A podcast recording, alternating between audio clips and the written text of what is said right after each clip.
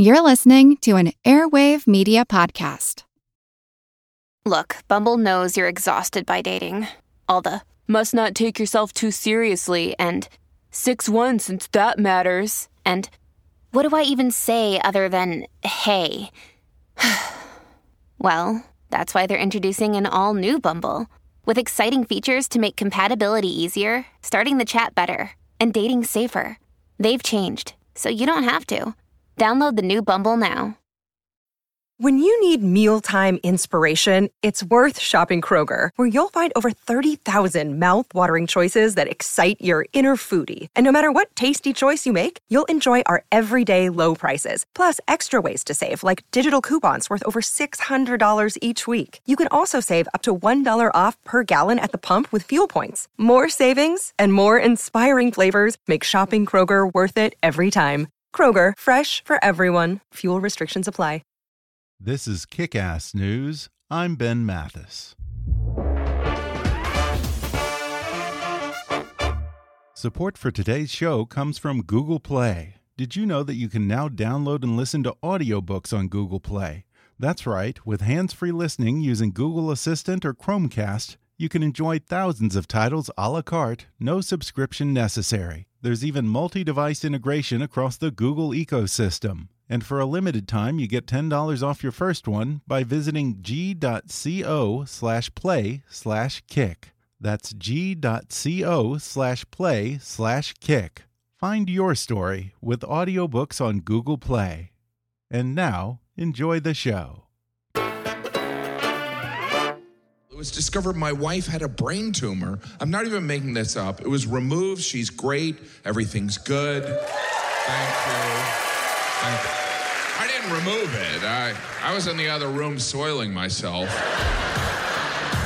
I joke around, but it was scary. We have five children. And there were moments when I was like, oh my gosh, if anything happens to my wife, those five kids are going to be put up for adoption. Did some shows in China. You visit some places and you think, all right, there's a language barrier, but I could get by. In China, I was like, oh, if I got lost, I would die here. I can't believe cross country skiing's even a sport. Hey, you know that awkward part in downhill skiing where you're trying to get over to the lift? What if we just did that? That was a clip from comedian Jim Gaffigan's sixth hour long stand up special titled Noble Ape. In it, the funniest man in comedy gets personal as he discusses the medical crisis that hit his wife and family this year, almost leading to his retirement, as well as awkward massages, ancestry tests, and the worst fruit of all, grapefruit. Jim is one of my personal favorite comedians, and I've been wanting to have him on the show for ages, so I'm thrilled to finally have him on the podcast. Today, he opens up about his wife's brain tumor surgery, their unique comedy writing partnership, and how she was the first person to suggest using her brush with death in his stand up act. Jim reveals how trial and error led him to his own authentic voice as a comedian, how he gets inside the head of the audience and plays his own worst critic on stage, and why he's making fewer and fewer jokes about eating. He discusses why he's breaking free of the Netflix model for his latest comedy special, and why he's taken a number of dramatic roles in no less than 13 films coming out this year plus the mixed blessing of Hot Pockets, the worst part of a colonoscopy, and the hardest gig in the world, opening for the Pope. Coming up with the hilarious Jim Gaffigan in just a moment.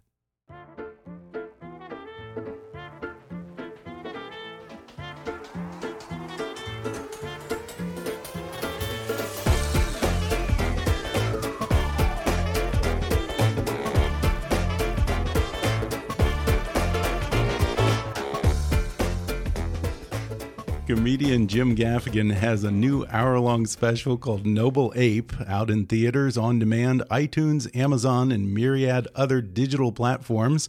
Jim Gaffigan, welcome to the podcast. Thank you for having me. The beard looks really good. Oh, well, Is thank this you. new? My wife hates it. Thank you.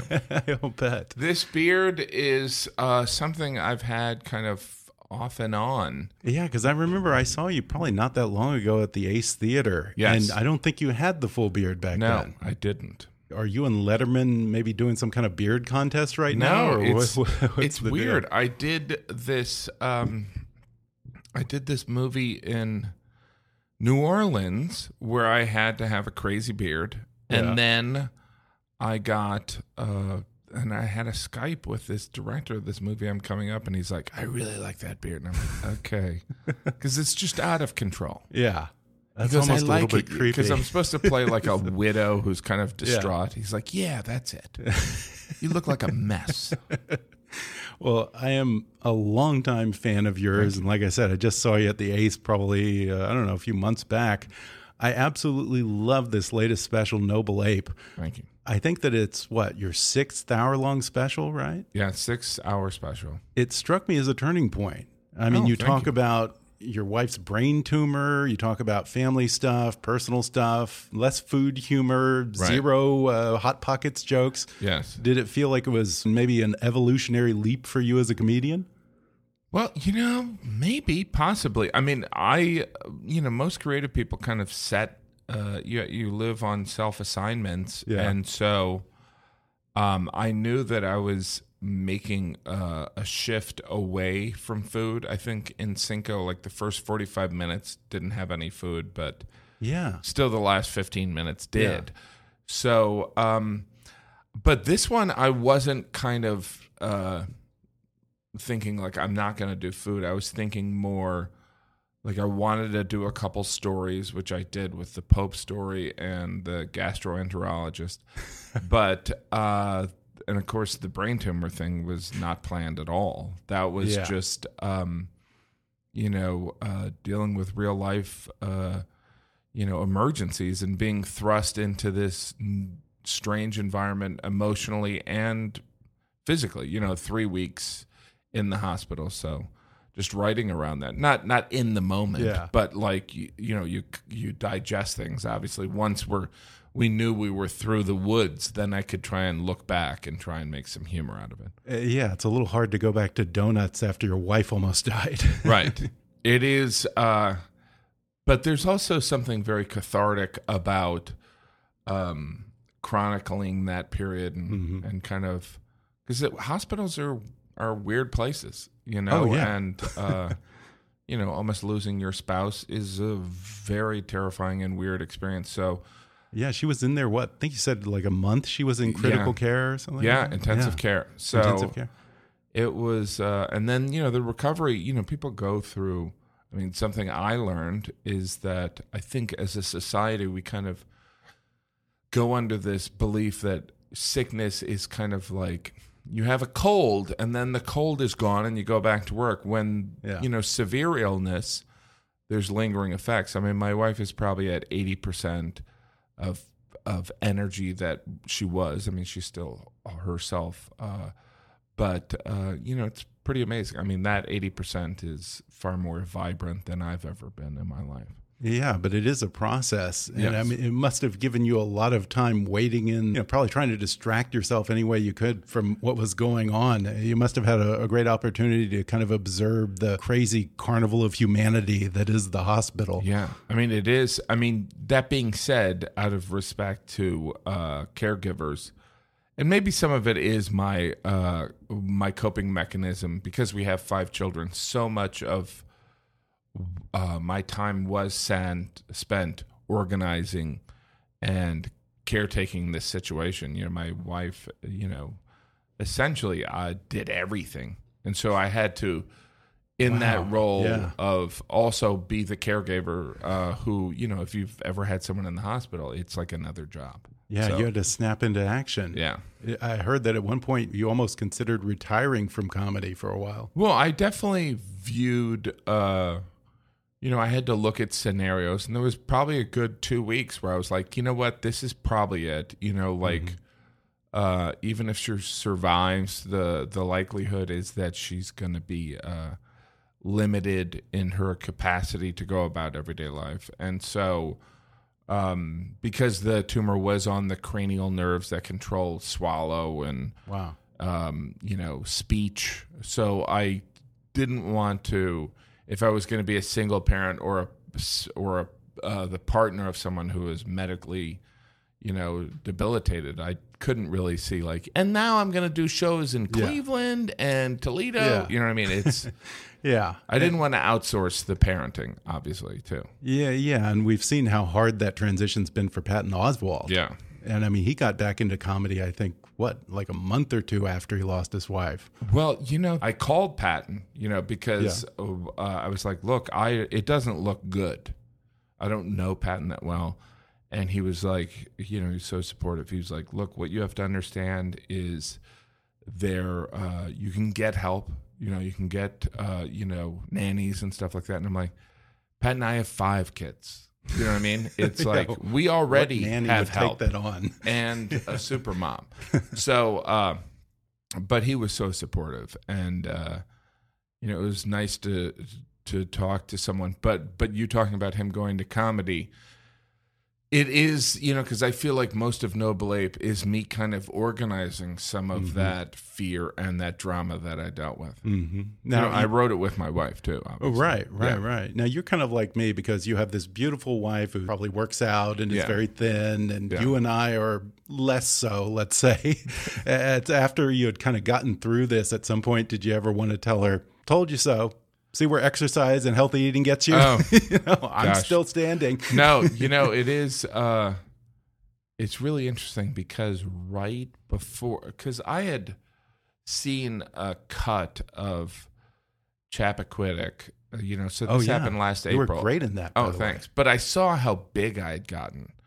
And so I had seen that at probably um I want to say maybe February. It, it hadn't gotten into Toronto or wasn't just distributed at that point. But I was like, wow, I really gained a lot of weight. So I had in February I had gone to like I'm gonna get back into shape.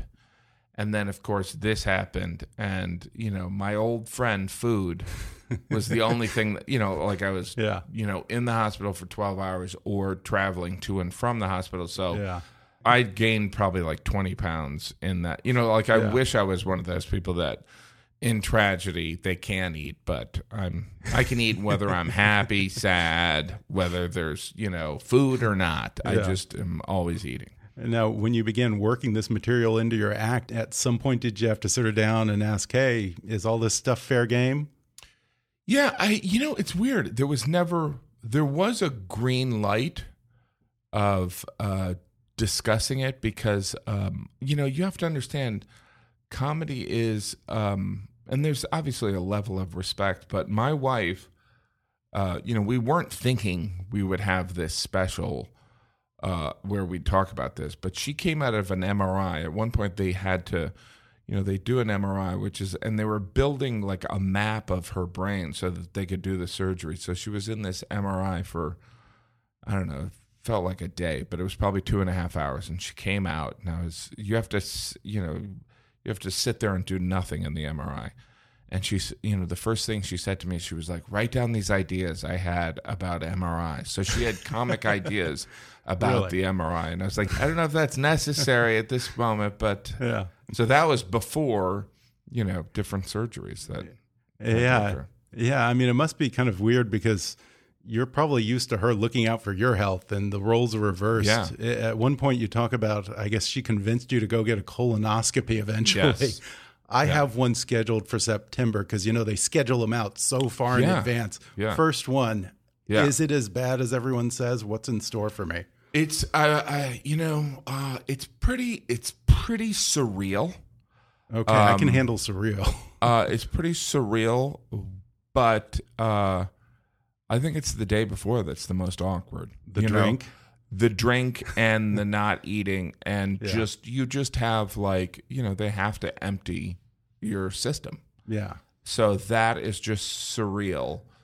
And um, so going through that, you're a little bit like, uh, you, you know, I mean, we've all been sick. We've all had diarrhea. And, Yeah. But you're like, for an entire day, like your instinct is like, should I probably eat salad or something? Yeah. But you can't.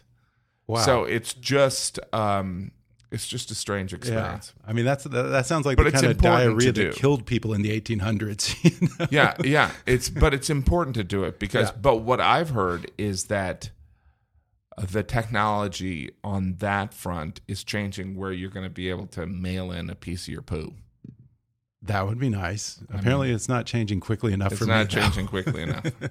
I hope someone's Right. eating while they're listening to this. Inevitably, they will be. Um, we were talking about how you and your wife write together and Yes. work together. She also was the co-writer and I think the co-producer with you on the Jim Gaffigan show, Yes. which I just frankly I want to say I absolutely loved. Oh, I-. There are too few comedies that have heart on TV these days. Was it strange writing and producing with your wife this show that's pretty closely based on your life and having an actress who isn't your wife playing her on TV? yeah, it was it was very strange because I'm playing Jim Gaffigan. Right. I'm writing the show with my wife Jeannie Gaffigan, but someone else is playing Jeannie Gaffigan, and so then we have to write for that actress who has a different skill set than the real Jeannie, Jeannie Gaffigan. I mean, every actor is different. Yeah. And so, yeah, no, it was it was it was fun. It was very rewarding, but it was also in the end after two seasons, it was one of those things where you can't on a biographical show that captures your relationship, your y- y- with your wife, you can't really outsource that. You can't sit there and go um you know like uh yeah you can't that have a team of writers yeah, writing so it has about to be life. Yeah. grounded So in on you. some you. know like every character you know like jeannie's friends uh, you know like uh, the daniel character was based on a lot of friends and but it has to, it can shift because it's michael ian black but you know my wife you know sh- this woman's portraying jeannie so we have to Mm-hmm. keep it in the guidelines of who jeannie wants that to be I feel like so much of what I think that I know about you is actually from the TV show. So I'm not sure, Right, yeah. But if I'm asking you questions about you or the TV show, for instance, Yeah. uh, you play your own dad in the show. Was that pretty accurate to the man? It was an exaggeration. Okay. I would say um, my wife, uh, Jeannie Gaffigan, like the episode that you're talking about, it's uh, the episode's called The Mike Gaffigan Show, but it's on her website, uh, jeanniegaffigan.com. So if people want to check that out. But it was fun because, and then my son played me Oh, I didn't know that. and it was directed by my wife. And by the way, that whole episode was written by my wife because that was a compilation of stories she had heard me tell about my dad and about, you know, there was a tornado and they forgot me. So um, she kind of compiled it and uh, but it was it was pretty surreal uh, to to play that role. And I watched it recently. I think I showed a friend, and um, and it's weird because it's an exact. I mean, it's a comedic portrayal of him. Yeah. It was not that bad, but but he is sort of the Mad Men generation. Yes. Had a drink when he got home. And, And- what was he, a banker? I think he was a banker. Right, yeah, and the right. Mm-hmm. ten year old version of me probably saw him like that. Oh, yeah. So, uh, played by my son, where it was he was very stern. It was a different era. Yeah. You know, like it was. Uh, you know, there was like just a different set of roles. Like, you know, it was. You know, sure, we our reference point is Mad Men, but it's it's even different because I think that fatherhood has changed so much. You know, like he was he was a rather liberal guy, but for his era. Mm-hmm. Do you know what I mean? In Like- Indiana, right? yeah, and he was, you know, he had done, uh, you know, things where, you know, like I think in the bank, he made sure that the, f- you know, the the first uh, vice president that was African American, he was he fought everyone and made sure that this guy was the first Really? African American vice president. You know, it's like it's kind of stuff that was.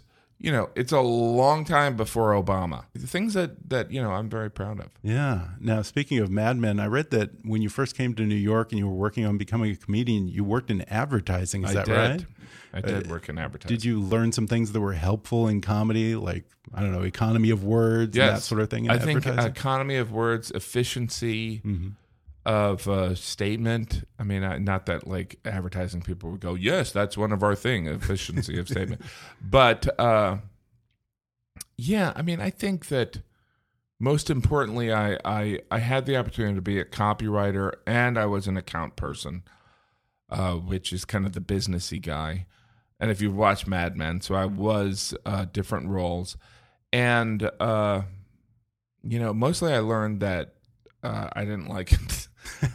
uh, I learned a little bit, but you know, it was a. I was not raised where the entertainment industry was a realistic pursuit. Like even going into advertising was a little bit out of what someone would do from my background. And Yeah. that's not to say that I came from a fancy background. My father was the first one to go to college, but it was, you know, you would seek security, and advertising is not secure. When you were starting out, who were some of your mentors or some of the people you looked up to? I up? I started in New York City, and uh, um, you know, my peer group was me, Greg Giraldo, Judah Friedlander, uh, Ian Bagg, um, Bonnie McFarlane, um, and then other friends that you know, uh, you know, I don't know, I don't know what happened to some of them, but uh, but who I really respected was. Um, there was this group of really good comedians that were probably they'd probably done it maybe i don't know three four years before uh, me and my group and they were just unbelievable they were louis ck they were dave attell they were todd barry they were mark Maron, sarah silverman and so like there was just this gauntlet of really good Yeah. comedians so i learned a lot from watching uh, people of that that generation. Like I think Yeah. that's probably the most important, you know, from my perspective, comedic generation. Now, everyone you just listed probably couldn't be more different than you are. And I'm guessing back then, in you know the '90s in New York, your act probably went against the grain. Y- You know, my journey to finding my point of view or my voice uh, is is very kind of uh, it's kind of like going back to the beginning. Yeah. Like I started off. Um, my first time doing stand up was very kind of um monology kind of what I'm doing now and obviously Dave Attell there's an irreverence and there's an anger there and uh and so I pr- I tried on a lot of different hats. That's of what I was styles. wondering if there was some Yeah. experimentation before you kind Oh, of yeah. landed on your persona. Definitely. There was Yeah. time um, when I tried to do political material. There was time when I did voices. There's times when I hopped around on stage. There's times when I I would smoke cigarettes on stage. really? Uh, yeah, hard to picture. all filthy jokes. I tried everything, and then I ended up going back to who I was at the beginning. really? So it just took a while.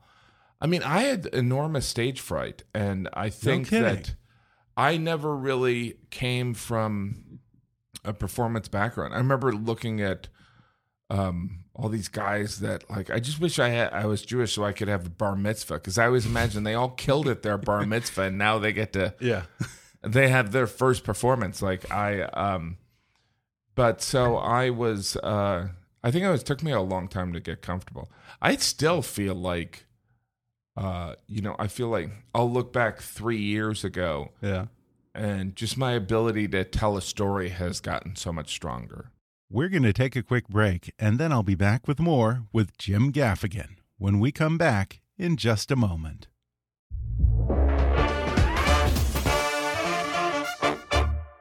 Hey guys, I want to tell you about Dollar Shave Club.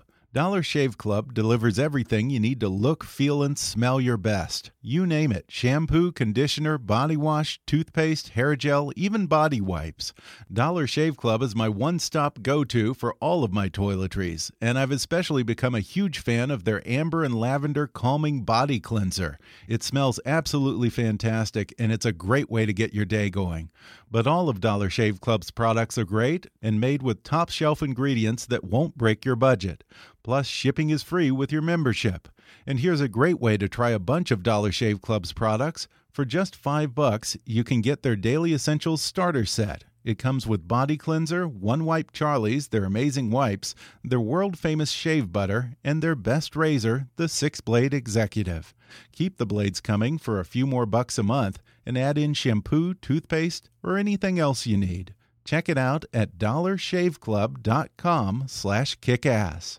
That's dollarshaveclub.com slash kickass. Did you spend your night tossing and turning? If so, I feel your pain, literally. Chronic back and neck pain have led to many a sleepless night for me, and even worse is that feeling when you wake up all stiff and achy. That's no way to start your day. I talk a lot on this podcast about the importance of getting a full night's sleep. It's vital to your physical, mental, and emotional health, and even your overall longevity. That's why I want you to know about Purple Mattress. Made with brand new material that was developed by an actual rocket scientist, the Purple mattress will feel different than anything you've ever experienced. Unlike traditional memory foam, the Purple mattress is both firm and soft, so it's supportive yet comfortable. Plus, it's breathable so it sleeps cool. That's a big one for me. And with their 100 night risk free trial, if you're not fully satisfied, you can return your mattress for a full refund. Not to mention, it's backed by a 10 year warranty with free shipping and returns. Folks, you're going to love Purple. And right now, our listeners will get 10% off your entire order in addition to this week's free gift with the purchase of a mattress. Just go to purple.com and use my promo code KICK at checkout. That's purple.com code KICK. The only way to get 10% off plus your free gift if you use code KICK at checkout. One more time, that's purple.com code KICK. How do you stay up to date with the latest business news? If you're still relying on traditional news outlets, keeping up with the news feels like a chore, but it doesn't have to be that way. Business news can be enjoyable, even something you actually look forward to. How? It's called Morning Brew, and it's a free daily email newsletter that delivers the latest business news directly to your inbox every weekday morning. The writers at Morning Brew curate the top business stories that you should know about and deliver them in a conversational and witty tone. Best of all, it's just a quick five minute read. Seriously, imagine getting all the information you need to start your day in just five minutes and enjoying every second of it. I know how overwhelming it can be when you've got so much news coming at you every day, and that's why I subscribe to Morning Brew for my business news. I love that it's concise, easy to read, and even entertaining. A great, fast way to get the most essential business news before I head into the office. So what are you waiting for? Sign up for free at morningbrew.com/kick. That's morningbrew.com/kick to start getting your daily dose of business news. And now, back to the show when you're at the level that you're at now, where you're playing large theaters, even Madison Square Garden, do you ever still have bad nights? Just feel like the audience, you know, just wasn't 100% on board, or, or does the fact that they're paying 70 bucks to come see you kind of insulate you against that? Yeah, well, I would make, I would try to to make it be 70. That's probably New York or LA, right? Um, but um, you, you know, there's something about when I'm doing a theater or or a larger venue like touring, the, I I am so caught up in making sure that everyone leaves there saying that was great that uh, I I I try and make it kind of undeniable that it'll work. So in other yeah. words, I'm not unprepared. Yeah. I've been doing it f- forever. So yeah. I know what to do and I know what's going to work. And so, and my style is, um, I'm not going for home runs. I'm going for single, double, single, mm-hmm. double, triple, home run, single. You know, like it's it's it's kind of a, a relentless style, so yeah. that, um, and and I do care about uh, everyone having a good time. Not absolutely everyone, but generally. Well, yeah, I did notice last time I saw you that just at the very end, you give them maybe like five, ten minutes of hot pockets. Is that obligatory? Will they riot if you don't do that? You know, it's like you have to understand that um, it's so strange because there there are certain kind of like conventionally held beliefs in comedy, and one of them is people come to a show and they want new material Mm-hmm. And you should be evolving, getting better, and you want that material to be A. And one of those conventionally held beliefs is that you there's no greatest hits. There's no stairway to heaven. There's no like I just want to hear him sing that song. There's none of yeah. that. But that being said, from my experience, uh, the hot pocket thing, there's a little bit of you know, uh, I'll look at the audience, and there's varying ages sometimes, and it's sometimes there's younger kids, sometimes there's 12 year olds, and you know, I know that I'll kind of clean up. Like the 12 year old will have a good time, or there might be a, a person here or there that like really just wants to hear that. I mean, Yeah. they want to hear a fresh perspective on it, but it's it's weird because it's like there's part of me that's like I almost want to apologize for doing it. I don't resent doing it. You don't? I don't. It's um it's you know, you want people walking out of there going, That was great. That was you know, there's money, but it's also time. That was worth my time. I came here and he uh, we got the whole experience. Yeah. Uh, You know, from my perspective, kind of outside looking in at comedy, it, it seems like people are very, perhaps more so than other arts, other mediums, are, are very quick to try and pigeonhole someone a black comic, political comic. Yeah. You, of course, get the, you know, pigeonholed as a food comic Or the clean as a clean comic. Yes. Do you bristle at those kind of labels? I do, but I also know that um, you know the the you know that's the entertainment industry, and it's Yeah. also look, it's also it's a it's it's it keeps the expectations low. Mm-hmm. But yeah, I mean, I think any comedian would just want to be just the only adjective they want is funny, right? Um, whether they're you know uh, you know any kind of segmentation, uh, how we break up people, uh, but it's weird, you know. Like, but some of it is like you know the clean thing. I'm like, yeah, I guess I am clean, but I also feel as though that's not what is you know people will say it's nice i can listen to it while i'm with my uh, very religious grandmother but that's not why someone is paying 50 bucks to go see a show to just hear someone not curse like Yeah. we don't live in such a cursing filled era where it's like it's an amazing experience he talks for an hour and he doesn't say fuck But in comedy, you know? it really is an accomplishment, I think. I mean, to get a consistent laugh every 30 seconds, every minute, the way that you do. I mean, I don't know other comedians other than maybe John Mulaney who packs as many laughs Yeah. into an hour as you do and do it completely clean without cheating, without saying the F word. you know it's uh, i mean i a think a huge accomplishment. Yeah, but I think it's also stylistically authentic to me or Yeah, Mulaney. sure. Do you know what I mean? Just as it, it, you know, it's you know, it's not a language thing, but like if you would ask Lewis Black to not be upset about politics, it would be weird. it's authentic. Yeah. Him being angry about the political situation and people bond through that. Or Chris Rock not if he wasn't saying curse words, you'd be like, that seems inauthentic. Yeah. Do you know what I mean? Yeah. And Yeah. Dave Attell, you know, the if he didn't have to be a reverence and it were, you know, like eh, there's so many different styles of comedy. I don't think we know how to kind of group them. You know what I mean? It's Mm-hmm. Yeah, no, no, for sure. It's, it's it's fun, but you know, in a way, it's like as long as I keep getting Yeah. better, which hopefully I am. Um, I also know that labels are are limiting. hmm You know what I mean? Yeah, I mean, all that matters to me is that someone's funny, and I like a lot of different kinds of comedy. Right. Um, the audiences aren't don't have to be pigeonholed, and neither does the comic. But, Right. Uh, you know, fans will know your hallmark is that you do this kind of inside voice commenting on your act.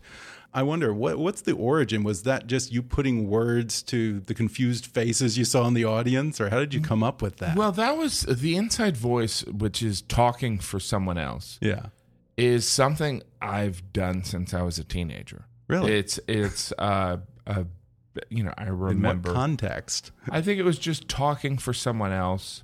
Maybe just being nervous in front of a girl and just talking and just like, oh my God, Jim Gaffigan. You know what I mean? Um, so it's always been a defense mechanism.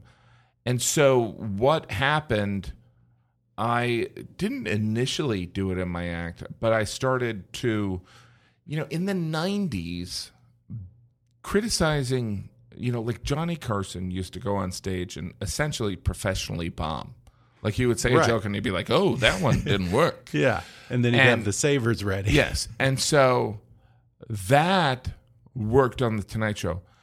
That did not work in New York City because Yeah. in New York City, uh, '90s New York City, any sign of weakness you know, you have to understand in the early 90s, you know, this is before YouTube. This is before there was no Netflix. There was no, you know, there was essentially specials on HBO every now and then. People didn't know how to really, now 12 year olds are, are, are, you know, uh, incredibly literate on Yeah. comedy. And so uh, essentially, I was a slow talking Midwesterner, this odd kind of, uh, you know, and so uh, in that that time, I interpreted my, you know, everyone was very, you know, your ethnocentric uh, identity was pretty uh, common. So it's like I'm at, I, I'm a black comic. I'm I'm Italian. My mother's Right. Jewish. Da da da. And so like my ethnic d- identity was Midwestern, was white pale Midwestern. guy. Okay. Well, you But kind of anyway- won the lottery because you got the broadest ethnic identity that would Right. work in those days. And so anyway, but what um what happened is I would be up there and so these these rather tough New York audiences that you have to understand the reason Bill Burr is the brilliant comedian he is is because he's Bill Burr, but also like that sees mentality or that kind of sense of combat is very northeastern United States mm-hmm. comedy early 90s. And so what I was I was this slow talking Midwesterner, so I would say a joke and I would uh, you know and so like because it was such a eat or be eaten environment, I felt the need to keep talking. So I would heckle myself rather than have the audience heckle me. Interesting. So it's It's- kind of almost like uh, your version of an um or something. Yes, it would be pause. It's also you know, it's just keep talking. Yeah. Yeah. because I'm I'm moving slow. I'm not talking about wildly irreverent things, but I think the fear was if I stop talking, someone else will say this. And it's also it communicates a level of intimacy with the audience. Like I'm aware that I'm doing a lot of jokes on this topic, or I'm aware of what I look like. You know, it's a conversation with a friend, uh, with an audience. Uh, one thing I always wonder with comics, especially ones who do these hour long specials, how do you know what to finish with? Do you just always finish with whatever you think is strongest or what? I I'm of the opinion that it's individually to that hour. Um, You know, in this in Noble Ape, it's uh, it's typically you start autobiographically. I think, um, and then you you know so they you learn something. It's like you meet someone, you tell them your name. It's it's very autobiographical. And then my whole thing is, you know, the the speed or the pacing of the punchlines would be more till the middle, and then at the end, your relationship with the audience is such that you can be um, more open, and so that Pope story is is you know they know me they know my sensibility. I've proven to them that i'm funny so i can tell you this story Yeah. of where i probably wasn't my best and so they've learned different things Yeah. about me that led up to why i got the pope gig that i was unprepared that why it might be funny You also talk about traveling, and you do something that I didn't really realize until I watched the special. Is you actually tour with the whole family? Even you, Yes. you, you guys go overseas together. Uh, Yeah. Doesn't that just add layers of stress that you don't need when It you're trying does. to tour? Uh, it does, but um, you know, uh, for me, I I don't want to. I want to do some international travel, but I also don't want to wait, be away from my kids. I Yeah. want to do a lot of stand up shows, and I don't want to be away from my kids. And so, typically, spring break, summer break, we used to go on a bus tour on spring break and summer break. But spring break, summer break, say uh, President's Day weekend, uh, typically a destination where I'll do shows that might be interesting for my kids. You know, maybe it's skiing or maybe it's we're in Paris and I'm doing a show in Paris. It's amazing. I mean, I don't I don't make any money, but I get Yeah. to do a show in Paris and my kids get to go to Paris. Do, do you have any energy to actually do anything with them by the time you're done working? Oh yeah. Yeah, No, it's yeah. usually I mean, it's You have the, the whole day, I guess. huh? I mean, I'll you know, like say we were in Paris uh, and I did. Um, the show was at the end, so we arrived on Thursday, and then we had Thursday, Friday, Saturday, and then the show was Sunday. Mhm. Or maybe it was, yeah, the show was Sunday, and they had to fly back, and then I did some other European Yeah. shows. Oh, that's good. Yeah, I, I think that in, in here you talked about uh, you went to Japan with the whole family. Yes. I wonder if you had the same experience that I had when I went there. I love Japan, but it seems to me like it's almost a carbon copy of America, but slightly different in the strangest ways. It's almost like, you know, everything that would be lame here is somehow unbelievably cool over there, and everyone is incredibly nice, almost to the point that you know it's like walking into a cult. It's it's off-putting. No, I mean, I I was in Japan for a couple a couple days, you know, and I mean, I loved it. It's just, I mean, some of it is I'm such a nerd for going to other cultures and kind of discovering. And I feel that way. I mean, look, I I feel that way in Texas. I feel that way in uh, you know Georgia and northern Florida is different from southern Florida, and uh, even if it's just um, you know and, you know some of it's me eating the food, but it's that's a big part It's it. fascinating. You know, I mean, I love history and culture and stuff like that, and and the international thing. It's great to get a juxtaposition on you know a comparison on how things are done. And then that that presents mm-hmm. the question. So like in the UK they say they don't say there is no exit sign. It says way out. And you're like if anything America should say way Yeah. out and the Brits should say Yeah. exit right? So there's things and you're like well it makes you think well why is Yeah. there a sign You know what I yeah, mean? yeah. It's always the little differences that stand out with me for some reason. It's Yes. not the huge cultural differences Yeah. if I'm in Saudi Arabia or somewhere Yeah. like that that strikes me.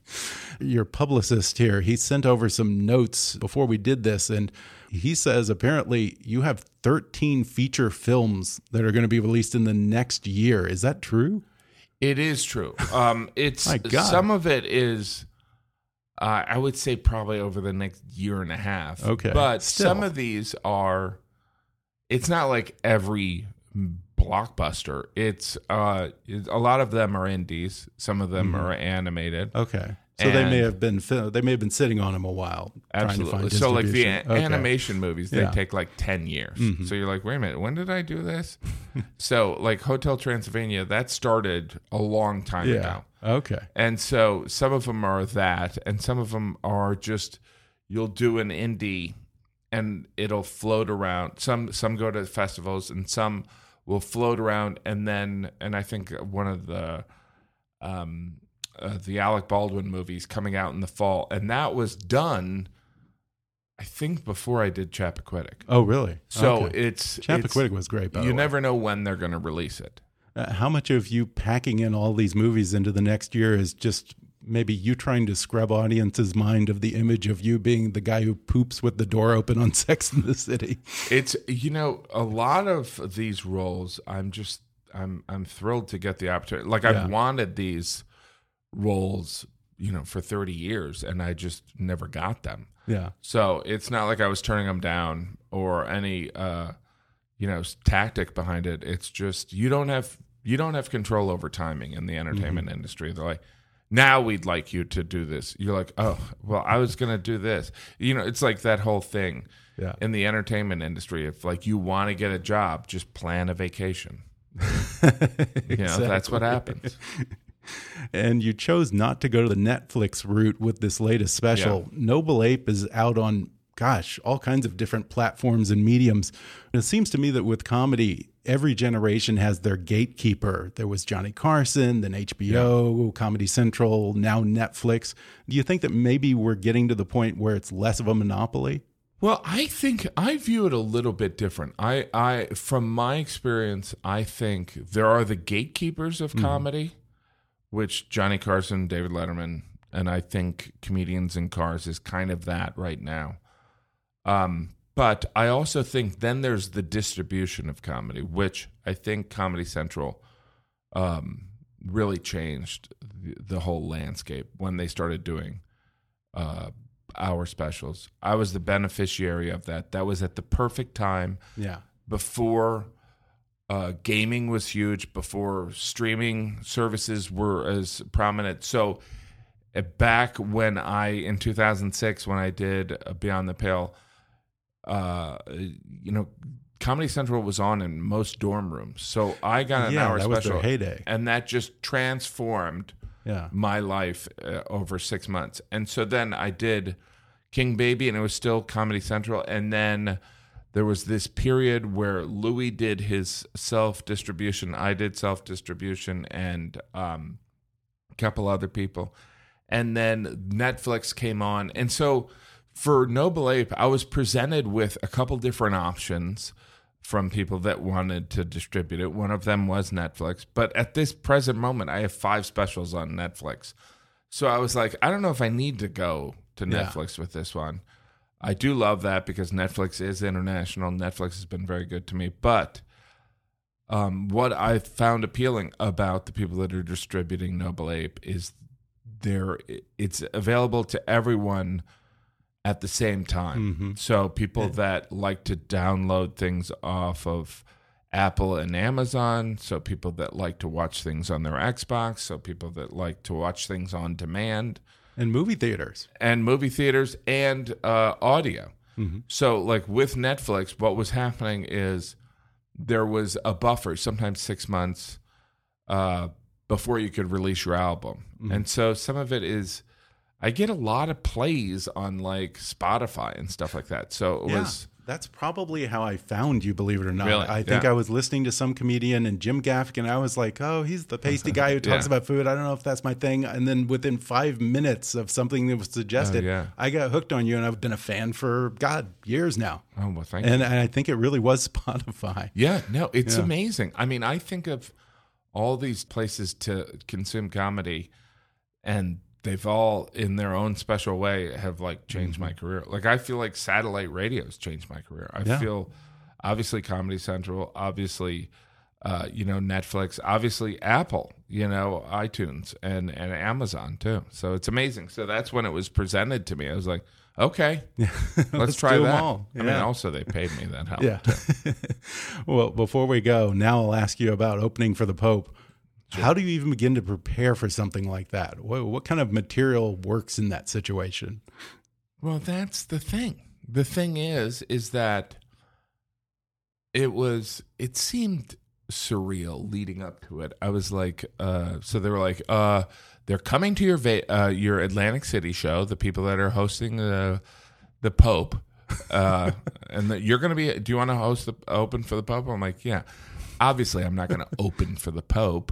Thinking like you know they're going to eventually come to their senses and go maybe not a comedian. Yeah. you know maybe you know Bocelli, you know um AC, what were these mob connected no no well they were Phil- they were Philly Oh, Philly okay, people. okay. so they came to the Atlantic City shows. And so they uh they're like yeah and I uh so eventually as it got close there was all these press interviews. They're like you're opening for the Pope are you ne- are you nervous? Are you going to prepare? I'm like yeah I'm definitely nervous. I'm definitely going to prepare. But I never prepared. No. but it in some situations there's no win situations for some stand-up comedy. So like even if i had i mean not that like anyone would see me if i killed at the pope. It's not like people would be like you know what? The pope was cool but that comedian he was great. You know what i mean? Like i'm not going to compete with Yeah. the pope. Yeah. But there's also something of you know there's situations in comedy where it's just a no-win situation Yeah. no one you know like there are voluntary participants uh, that go into a comedy club for stand-up people are going to see the pope and maybe see Yeah. some Yeah. catholic music Yeah. they're not there Not for Jim jokes. They're not. They're not. they're not aware of my sensibility, or even if they are aware of my sensibility, there's going to be people that that's not edgy enough, and then there are people that are going to be like, "That's way too edgy." The Pope's about to come on. You know what I mean? Yeah. It's just an impossible situation. And how many people were there? I think they said a million. Wow, I mean, the pressure of working Madison Square Garden comics always talk about how Yeah. you know it's impossible to work a venue like that. I can't even imagine a million people. Yeah, I mean, you have to understand the entire city, because of course I brought my kids to that. Okay. Well, Uh, that, that's five people who came for you then. Yeah. and, and I assume you, your wife, although Yes. she's the Shiite Catholic, so maybe she went for the Pope. No, know. no, she was she was there, and uh, but like we arrived the night before because we live in New York City, and it was like uh, like you couldn't get into the city because the Pope they'd shut down so many streets in Philadelphia. I was like, is this necessary? but it was that level of security. Yeah, got to protect the Pope mobile. Yeah. So you didn't do hot pockets for the Pope? No, no, and and uh, you know the Pope. It ended up where I essentially opened for the Pope Mobile. I did stand up, and then the Pope Mobile drove in. Well, Noble Ape is out in theaters, on demand, iTunes, Amazon, and wherever you like to watch. Jim Gaffigan, thanks for talking with me. Thank you.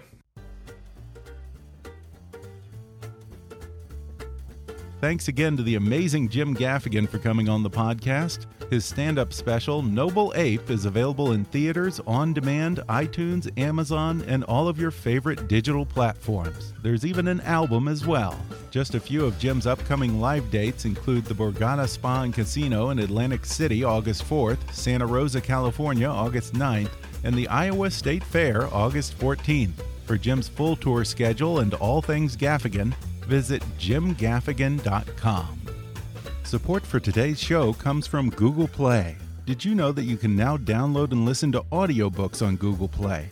That's right, with hands free listening using Google Assistant or Chromecast, you can enjoy thousands of titles a la carte, no subscription necessary. There's even multi device integration across the Google ecosystem. And for a limited time, you get $10 off your first one by visiting g.co slash play slash kick. That's g.co slash play slash kick. Find your story with audiobooks on Google Play. If you haven't already, be sure to subscribe to Kickass News on iTunes and leave us a review. You can follow us on Facebook or on Twitter at, at KickassNewsPod. And as always, I welcome your comments, questions, and ideas at comments at kickassnews.com. I'm Ben Mathis, and thanks for listening to Kickass News.